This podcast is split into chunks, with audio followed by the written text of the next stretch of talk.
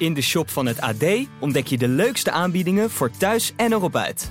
Ga samen op mini-vakantie, beleef dagjes en avondjes uit of scoort de gekke producten. Wacht niet langer en bezoek vandaag nog ad.nl/slash shop. De politie is woensdagmorgen opnieuw binnengevallen bij camping, Camping Fort Fort Oranje. Oranje tussen Breda en Rijsbergen. Op camping Fort Oranje, tussen Rijsbergen en Breda, kwamen verschillende werelden samen. Er woonden zo'n 700 mensen. En bij de ingang stond een slagboom. Maar dat betekende niet dat het daar binnen veiliger was dan er buiten. Zo gaat de gemeente met mensen om. Hoe kon het in hemelsnaam zo ver komen? En ik verdik, dat was Kees Engels. Nou, en toen, nou, toen knapte er iets. Echt, ik ben ook op van de stress. Dit is De Erfenis van Engel. Te beluisteren via de sites van het AD, B en de Stem en de aangesloten regionale dagbladen.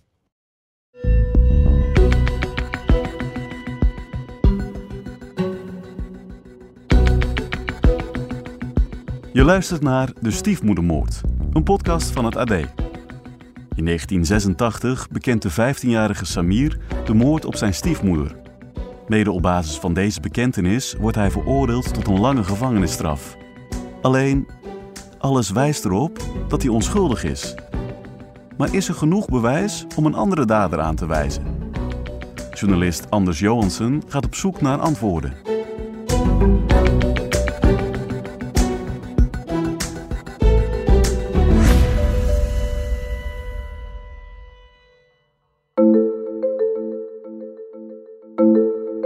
Tijdens mijn zoektocht hebben meerdere mensen verklaard dat Samirs vader erg intimiderend kon zijn. Volgens Samir was zijn vader ziek, maar heeft hij nooit de hulp gekregen die hij nodig had. Veel mensen in zijn omgeving hadden daaronder te lijden en werden vijanden van hem.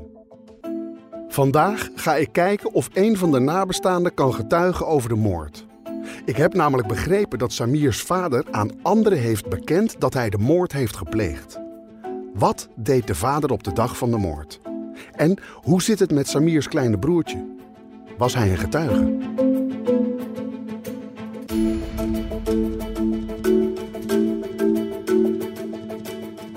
Wat weten we eigenlijk over Samirs vader? Volgens de gegevens is hij geboren in Turkije. Als kind verhuist hij met zijn gezin naar Libanon. In 1967 komt hij naar Zweden en in 1970 trouwt hij met Farida, de moeder van Samir. Vanaf halverwege de jaren 70 zit hij in de ziektewet vanwege rug- en nekklachten. Hij is actief in de Syrisch-Orthodoxe Kerk als deken tot zijn scheiding in 1983. Hij trouwt daarna twee keer opnieuw, toevalligerwijs beide keren met vrouwen die Jeannette heten. Begin jaren 90 verlaat zijn derde vrouw hem. Hij trouwt daarna nog een vierde keer. Ook nu is dat weer een gearrangeerd huwelijk. Ik heb deze vierde vrouw gesproken. Maar ze wil niet dat ik haar echte naam of haar stem gebruik. Ze geeft aan dat er familieleden zijn die niet weten wat ze heeft meegemaakt. En dat wil ze graag zo houden. Maar ze wil ons wel alles vertellen wat ze weet.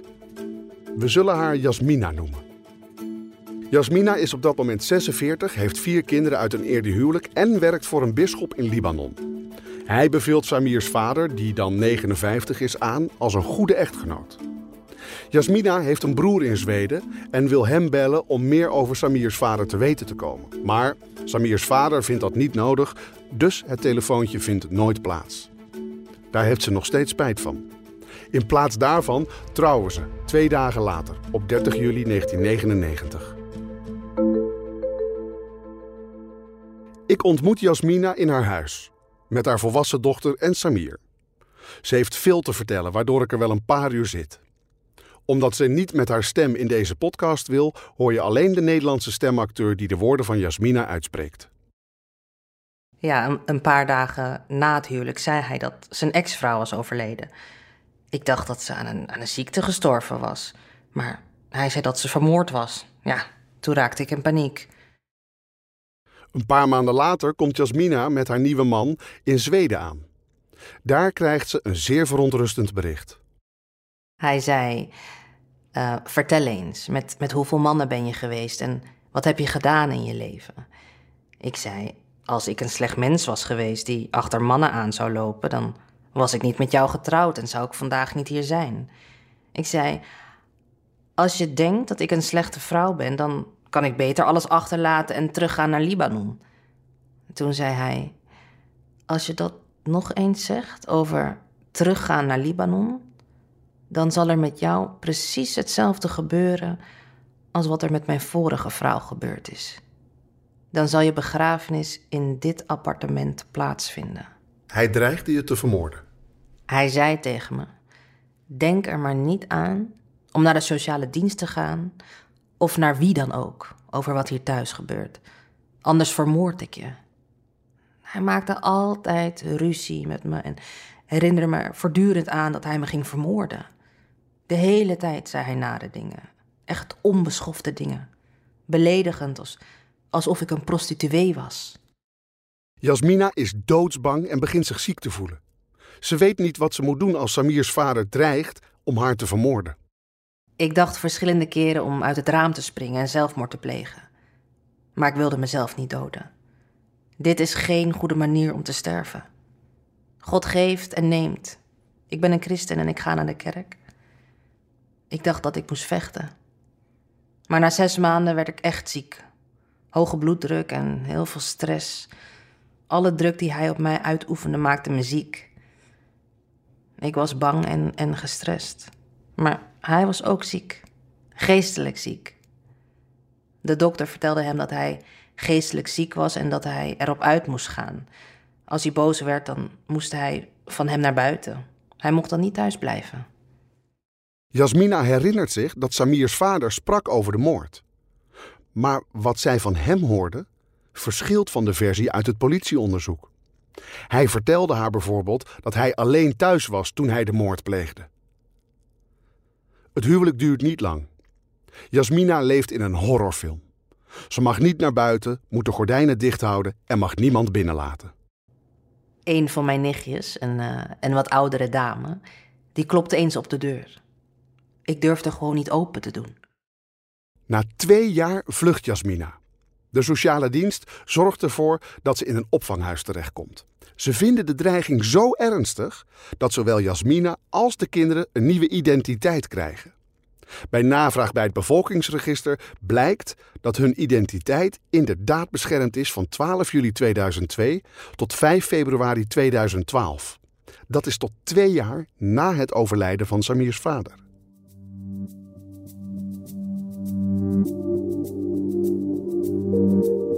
Bij goed onderzoek moeten alle mogelijke alternatieve scenario's bestudeerd worden. Als ik dat doe, dan komt er bij mij direct een vraag op.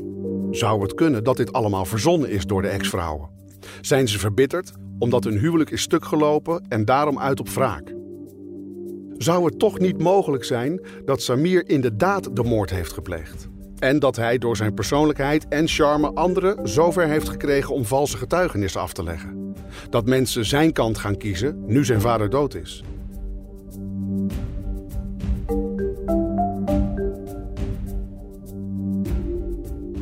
Laten we teruggaan naar de dag van de moord. Wat deed zijn vader eigenlijk? Houdt zijn alibi stand? Zoals je je misschien herinnert, zei Samirs vader dat hij zoals gewoonlijk naar school gaat op die dag en het appartement om 7.30 uur verlaat. Maar dat hij een beetje laat is. De leerkracht verklaart dat hij ongeschoren en een beetje onverzorgd arriveert en dat dat niet normaal is voor hem. Dus hoe kunnen we deze afwijking in zijn gedrag verklaren? Om 9 uur 36 belt Samir het alarmnummer. Samirs vader is dan al meer dan een uur op school. Ze gaan die dag op excursie tot half twaalf. Daarna gaat hij niet direct van school naar huis, maar de stad in om naar broeken te kijken. Zo zegt hij in een verhoor met de politie. Hij vindt ze te duur en koopt niets. Hij zegt ook dat Jeannette hem de dag ervoor vertelde dat als hij naar de stad gaat, hij bloemen moet kopen voor op het graf van zijn moeder. Dus dat doet hij. Daarna keert hij nog steeds niet terug naar huis. Maar gaat hij naar Kungstrakorden, een park in Stockholm. Daar blijft hij drie uur lang. Er zou een soort optreden zijn, zegt hij later in een interview. Maar omdat het nog wel even zou duren voor het begint, gaat hij uiteindelijk toch naar huis. Politieonderzoeker Soene Kleernes stelt hem tijdens het verhoor de vraag waarom hij niet naar huis belt om te laten weten waar hij is. Hij antwoordt dat Jeanette weet dat hij bij goed weer de stad in zou gaan en een paar uur weg zou blijven. En dat hij daarom geen reden heeft om naar huis te bellen. Ik vroeg moordonderzoeker Hans Strindlund eerder al hoe hij deze situatie beoordeelt. Jag skulle, jag skulle fästa stor vikt vid det. Ik zou er zeker serieus naar kijken, absoluut. Je maakt een tijdlijn van alles wat er is gebeurd en idealiter levert dat een waterdicht alibi op, waarmee je een verdachte kunt uitsluiten. Je zou je kunnen afvragen of deze persoon een waterdicht alibi heeft.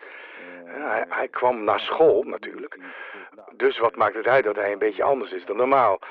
Soms vergeet je gewoon te scheren. Daar kan een logische verklaring voor zijn. Misschien liep de kat weg of vergat hij zijn mobiele telefoon hoewel je die op dat moment nog niet had. Uh, maar je kan daar op zich geen conclusie uit trekken. Anders zou iedereen die ongeschoren op straat loopt een misdaad begaan kunnen hebben. Maar ik zou dit wel grondig onderzocht hebben om vast te stellen of hij de waarheid vertelde. Vastställa hur om det är bärighet eller inte på det. Gepensioneerd regisseur en forensisch wetenschapper Sonny Björk had dezelfde gedachte. Man borde också ha, när man hör fadern här, man borde... Als je zoiets hoort over zijn vader, dan kun je dat afwijkende gedrag niet negeren. Volgens de leerkracht kwam hij ongeschoren aan, leek hij gehaast en was hij te laat. Wat betekent dat? En ook, hij zegt dat hij een broek ging kopen, maar wat was de reden dat hij een broek wilde kopen? En waarom zat hij drie uur in Koengstra Gordon voordat hij naar huis ging? Dat zijn belangrijke vragen, want hij was om half twaalf al klaar op school en ging pas om vijf uur s middags terug naar huis. Dus dat is vijf, nou ja, vijf en een half uur die hij alleen doorbrengt. En waarom gaat hij die dag niet naar huis? Dat is ook interessant. Hij weet dat Samir niet werkt, die is thuis. Dus dat is iets waar ze op hadden moeten ingaan en meer onderzoek naar hadden moeten doen.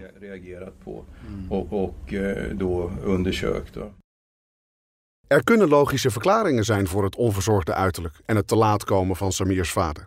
Hij kan gewoon de dag hebben doorgebracht zoals hij de politie vertelde, zonder dat er iets verdachts aan de hand is. Maar ze hebben het nooit onderzocht. Dus welk belang moeten we eraan hechten?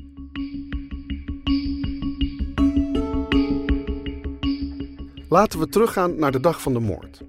Samirs vader komt om half zes s'avonds thuis, zes uur nadat de school is afgelopen. De politieagenten die het appartement in de gaten houden, vertellen hem het nieuws van de moord en schrijven daarover in een rapport. Ik citeer. Toen hij hiervan op de hoogte werd gesteld, raakte hij erg overstuur en werd hij woedend. Het eerste wat hij zei was dat hij zijn 15-jarige zoon wilde vermoorden en Tiensta wilde verlaten.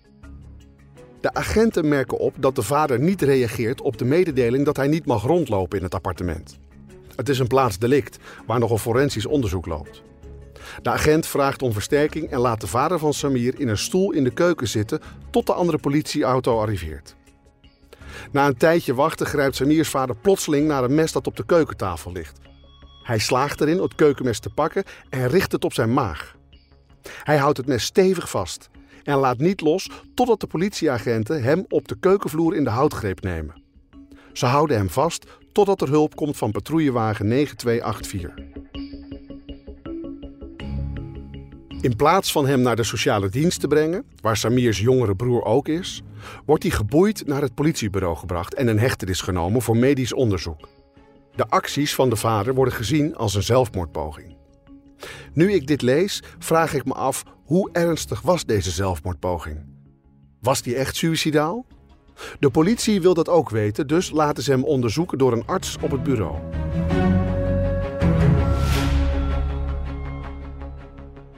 In het medisch dossier staat vermeld dat politiearts Connie Nordin, gespecialiseerd in algemene psychiatrie, Samirs vader om half negen s'avonds onderzoekt. Drie uur na de vermeende zelfmoordpoging. Zij noteert dat Samirs vader zichzelf niet als acuut suicidaal beschouwt, maar dat hij wel gedachten uit als: Mijn leven is voorbij nu ik geen familie meer heb. Ze beoordeelt zijn reactie als een paniekreactie. Samirs vader stemt in met een vrijwillige opname. Dus hij wordt naar een psychiatrische kliniek van het St. Jorans ziekenhuis gebracht. Daar wordt hij opnieuw beoordeeld door een arts die hem een paar uur later typeert als rustig en meewerkend. zonder suïcidale gedachten. Twee dagen later wordt Samirs vader opgenomen op een afdeling van het Beckomberrias psychiatrisch ziekenhuis. Daar wordt hij na drie weken vrijwillige opname ontslagen. Wanneer de zaak in 1988 wordt heropend, lijkt de nieuwe onderzoeker een poging te doen om de vader opnieuw te onderzoeken. Hij gaat daarbij na of de vader misschien snijwonden aan zijn rechterhand gehad heeft. In het dossier vind ik een handgeschreven notitie dat een half A4'tje in beslag neemt. Daarop staan vier verschillende namen van mensen die bij verschillende instellingen werkten en met wie de vader direct na de moord contact had. Maar niemand van hen kon enig bewijs vinden van een verwonding aan zijn handen en had er ook geen herinnering aan. De avond na de moord zit Samirs vader in de psychiatrische kliniek van St. Joram. Daarna laat hij zich vrijwillig opnemen in Beckomberria.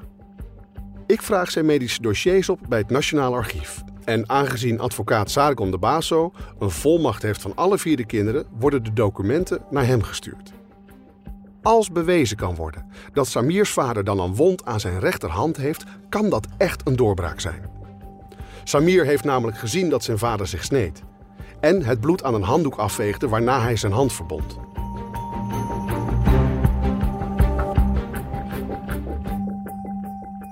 De documenten zouden onderweg moeten zijn naar Sargon. Ze zijn aangetekend verstuurd en moeten bij een afleverpunt worden opgehaald. De spanning is bijna ondraaglijk.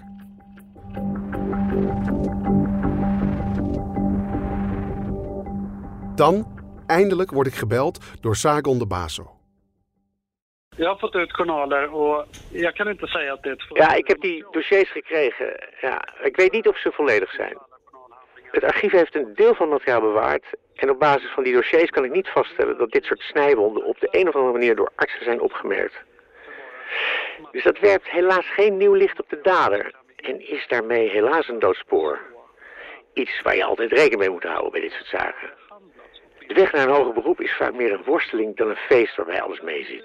Er zullen altijd sporen zijn die uiteindelijk nergens toe leiden. Theorieën die je gewoon moet laten gaan. Uh, släppa det helt enkelt. Ik laat het even bezinken. Wat hij zegt blijft hangen. Het feit dat er geen aantekeningen zijn met betrekking tot enig handletsel betekent natuurlijk niet per definitie dat er geen handletsel was. We kunnen alleen concluderen dat er niets genoteerd staat over een behandeling voor zulke verwondingen. Misschien valt het in een psychiatrische kliniek ook helemaal niet op dat iemand een paar pleisters nodig heeft, of dat iemand zijn hand al in het verband heeft. En om die reden kan het zo zijn dat het niet is genoteerd in het dossier. Hoe dan ook, hij heeft gelijk. Dit spoor loopt dood. Ik moet het loslaten en verder blijven zoeken.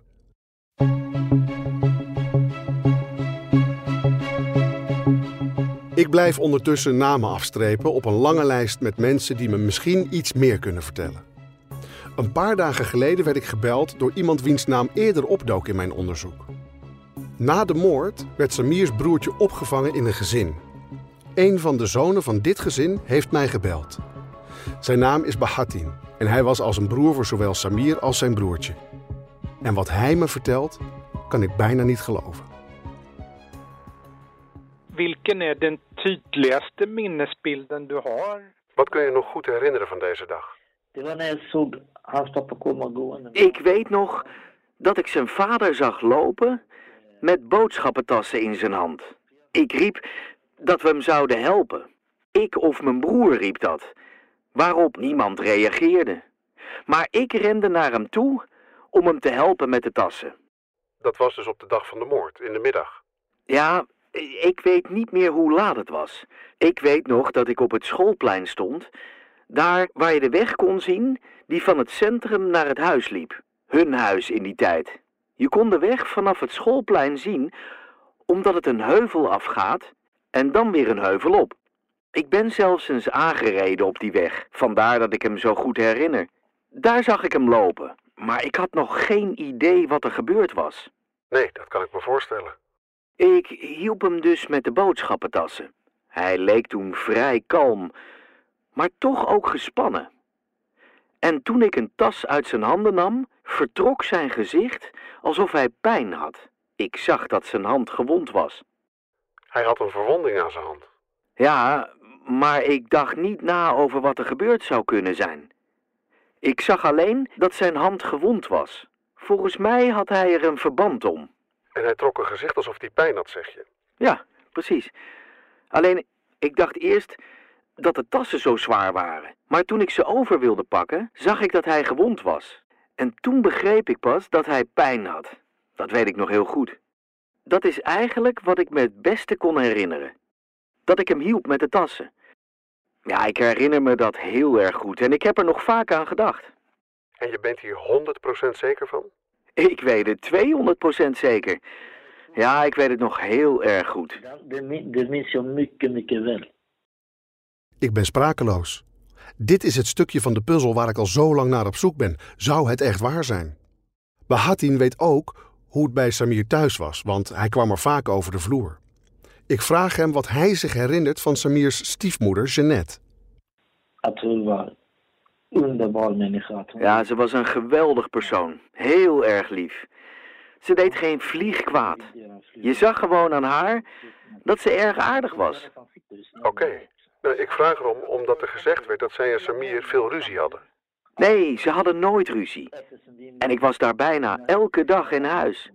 In die tijd heb ik ze nooit ruzie horen maken. Zelfs niet eens iets als hou je mond. Samirs broertje werd na de moord voor korte tijd opgevangen in het gezin van Bahatin. Een vraag die me de hele zaak al bezighoudt is: hoe zit het eigenlijk met Samirs broertje? Hij is misschien wel de belangrijkste persoon hier, want Samir beweert dat hij getuige was van wat er gebeurd is. Ik heb Samirs broertje meerdere keren gevraagd of hij mee wilde werken aan mijn onderzoek, maar ik kreeg steeds de reactie dat hij op geen enkele manier mee wil doen. Ik vraag me af waarom. Heeft hij iets anders gezien dan wat Samir mij vertelt? Heeft hij gezien dat Samir daadwerkelijk de moord heeft gepleegd? Helaas wil hij daar niet op antwoorden. Maar ik denk wel te weten wat hij heeft gezien. Hij heeft het immers aan twee andere mensen verteld.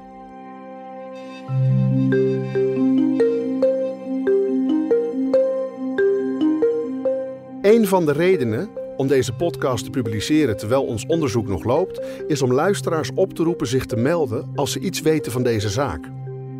En dat is ook gebeurd. Een vrouw met de naam Sanna heeft zich gemeld bij Samir. Zij was een vriendin van Samir uit zijn tienertijd. Ze heeft de podcast geluisterd en verwachtte eigenlijk dat iemand wel contact met haar zou opnemen. Maar toen niemand dat deed, belde ze zelf. Eerst naar Samir en daarna naar mij. Sanna kan verschillende dingen vertellen en we besluiten elkaar te ontmoeten op de redactie. Ze legt uit dat ze zich niet erg op haar gemak voelt bij de situatie, maar zegt dat ze een bijdrage wil leveren door haar ervaringen te delen. Ze begint te praten over Samirs vader. Och sen en dag var jag på väg hem. Och det är en lång backe upp från min villa. Jag var där med Op een dag liep ik naar huis. Eh, Ik had boodschappen gedaan en Samir was thuis met mijn vader. Ik hoorde dat er een auto achter me reed. Ik keek achterom en zag dat het Samirs vader was. Hij riep me en zei: Kom even hier, ik wil met je praten. Hij riep je vanuit de auto. Ja. Dus ik deed een paar stappen achteruit, want ik wilde niet te dicht bij hem staan. En toen vroeg hij waar Samir was. Ik zei dat ik het niet wist. Toen zei hij dat hij wilde dat Samir thuis zou komen. En dat als hij die avond niet thuis kwam, dat hij ons alle drie iets aan zou doen. Mij, mijn broer en mijn vader. Dat ik heel goed wist waar hij toe in staat was en dat ik goed na moest denken en voorzichtig moet zijn. En dat was het. Hoe reageerde je toen? Ja, ik was geschokt. Ik rende de heuvel op, terug naar huis, waar Samir was, en vertelde hem alles. En toen ging Samir naar huis. Eh, Wat bedoelde hij met je weet waartoe ik in staat ben? Ja, ik wist wel wat hij daarmee bedoelde. Wat hij kon doen. Dus ja, daar schrok ik wel van. Want wat had hij gedaan? Hij vermoordde zijn vrouw. Hij keek me echt woedend aan. Zoiets heb ik echt nog nooit gezien. Heeft je vader hem ook ontmoet? Nee, mijn vader heeft hem nog nooit ontmoet. Ook nooit aan de telefoon gehad? Nee, ik heb het hem wel verteld. Samir heeft hem ook alles verteld. Maar mijn vader was nooit echt bezorgd. Hij wilde wel Samirs broertje daar weg hebben, dat wel. Dus je vader wilde Samirs kleine broertje? Ja, Samirs kleine broertje. Hij wilde dat hij bij jullie zou komen wonen. Ja, zodat we hem uit de situatie konden halen, omdat hij bang was. Ik weet nog dat Samir me vaak vertelde dat hij met een honkbalknuppel onder zijn bed sliep, omdat hij bang was. Het gebeurde ook vaak dat Samir naar huis moest. Als zijn vader belde, dan, dan begon hij vaak te dreigen. Samir ging dan naar huis zodat er niets gebeurde. Samir was erg bezorgd en wilde zijn broertje niet te lang alleen laten. Het gebeurde dus vaak dat hij naar huis ging vanwege zijn broertje. Daar hemma. Så det var ofta Samir åkte hem för lillebror. Sanna vertelt me ook over een ontmoeting met Samirs broertje op een avond in Tiensta. Samir was toen net vrijgelaten uit de kliniek en had zijn bekentenis ingetrokken. Alleen geloofde niemand hem. Hij vroeg Sanna om naar zijn broertje te gaan en hem te vragen bij de politie te vertellen wat er werkelijk was gebeurd. Det, det kommer ihåg att det var en kväll Samir. Ik herinner me dat Samir overstuur en verdrietig was en naar de politie wilde gaan.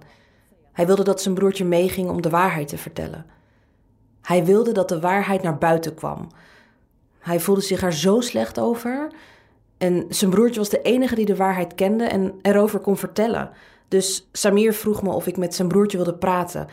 En toen ben ik met hem gaan wandelen. Jullie hebben elkaar ergens ontmoet. Ja, op een avond in het centrum van Tjensta. Dus ik begon met hem te praten over hoe hij zich voelde, of hij het durfde en met Samir naar de politie wilde gaan. Hij wilde het wel doen. Hij was zo bang dat hij begon te huilen en in paniek raakte. Hij zei dat zijn vader hen allebei zou vermoorden en dat hij het niet durfde. Het duurde ongeveer een uur om hem te kalmeren, dus ik bleef daar met hem. Wat wilde hij je vertellen? Wat hij had gezien: En wat had hij gezien? dat het zijn vader was die zijn stiefmoeder vermoordde. Zei hij dat zijn vader de dader was? Ja, maar hij raakte daarvan wel in paniek. Hij zei dat zijn vader hem en Samir zou vermoorden. Als hij het aan de politie zou vertellen. Ja, maar hij was echt bang. Voor zijn vader dan. För sin pappa. Samir verbleef op dat moment meestal bij Sanna. Samir, du ville ju aldrig vara hemma hos din pappa. Samir wilde nooit terug naar huis, naar zijn vader, als hij bij mij was. Je trok bijna bij ons in, in ons huis. Een Friesstad waar ik en mijn vader en mijn broertje woonden. Je was daar heel veel. En mijn vader wist alles. Ja, Samir had mijn vader alles verteld wat er gebeurd was. Dus mijn vader wilde dat Samir bij ons kwam wonen. Maar mijn vader wilde ook dat zijn broertje meekwam. Maar dat was niet mogelijk. Dus je vader wilde. Dat zijn broertje bij ons kwam wonen. Maar dat kon niet, want dan zou zijn vader ons iets aan kunnen doen. Dat had hij immers verteld dat hij dat zou doen. Skulle göra det till mig. Sanna vertelt me ook dat Samir en zijn broertje zo bang waren voor hun vader dat ze een mes en een honkbalknuppel onder hun bed bewaarden. Du var hemma och var inne i lillebrors rum också. Je bent bij hen thuis geweest, dus ook in de kamer van Samir en zijn broertje. Ja, ik was daar met Samir. We waren daar om wat kleren voor Samir te halen. En hij deelde een kamer met zijn broertje. Er stond een bed bij de deur en bij het raam. Ik herinner me dat zijn broertje bij de deur sliep omdat dat veiliger was als er iemand binnen zou komen. En daar had hij twee messen onder zijn matras en een honkbalknuppel. Dus dat heeft hij je laten zien. Ja. Ik vroeg hem waarom hij dat had. Hij zei omdat hij bang was. Bang voor. Ja, bang voor zijn vader. Hij kon het allemaal niet aan. Daarom wilde hij samen met Samir een kamer delen. Want als Samir bij was, dan durfde hij te slapen. Dan was hij niet meer bang. När Samir där, då sover han. Då behöver han inte vara rädd.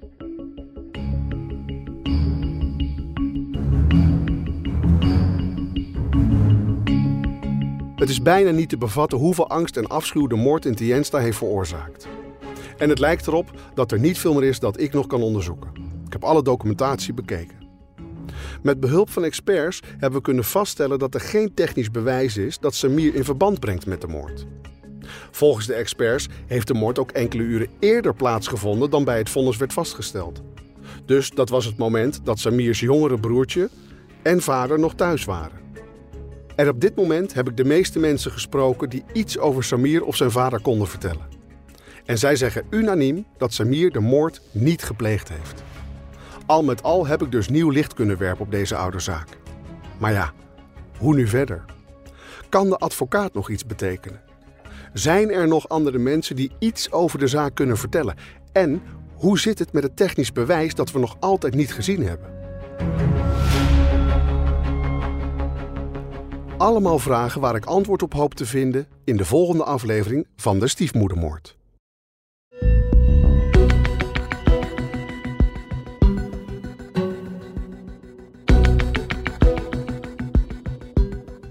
Je luisterde naar De Stiefmoedermoord.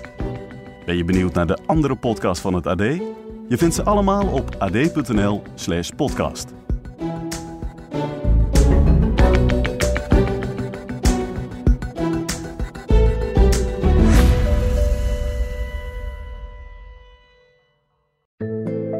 30 mei 1961 stort een gloednieuw KLM-toestel vier minuten na opstijgen in zee. Niemand overleeft de klap. En later besef je pas dat er heel weinig over is bekendgemaakt. Dit is een verhaal over botsende belangen. Het lijkt wel een betonnen muur waar je niet doorheen komt. De wil om te accepteren en toch altijd blijven zoeken. Alles wil je weten. Ik ben Julia Bokdam en dit is Van de Radar.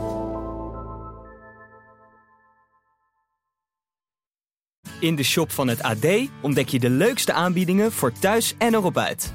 Ga samen op mini-vakantie, beleef dagjes en avondjes uit of scoort de gekke producten. Wacht niet langer en bezoek vandaag nog ad.nl/shop.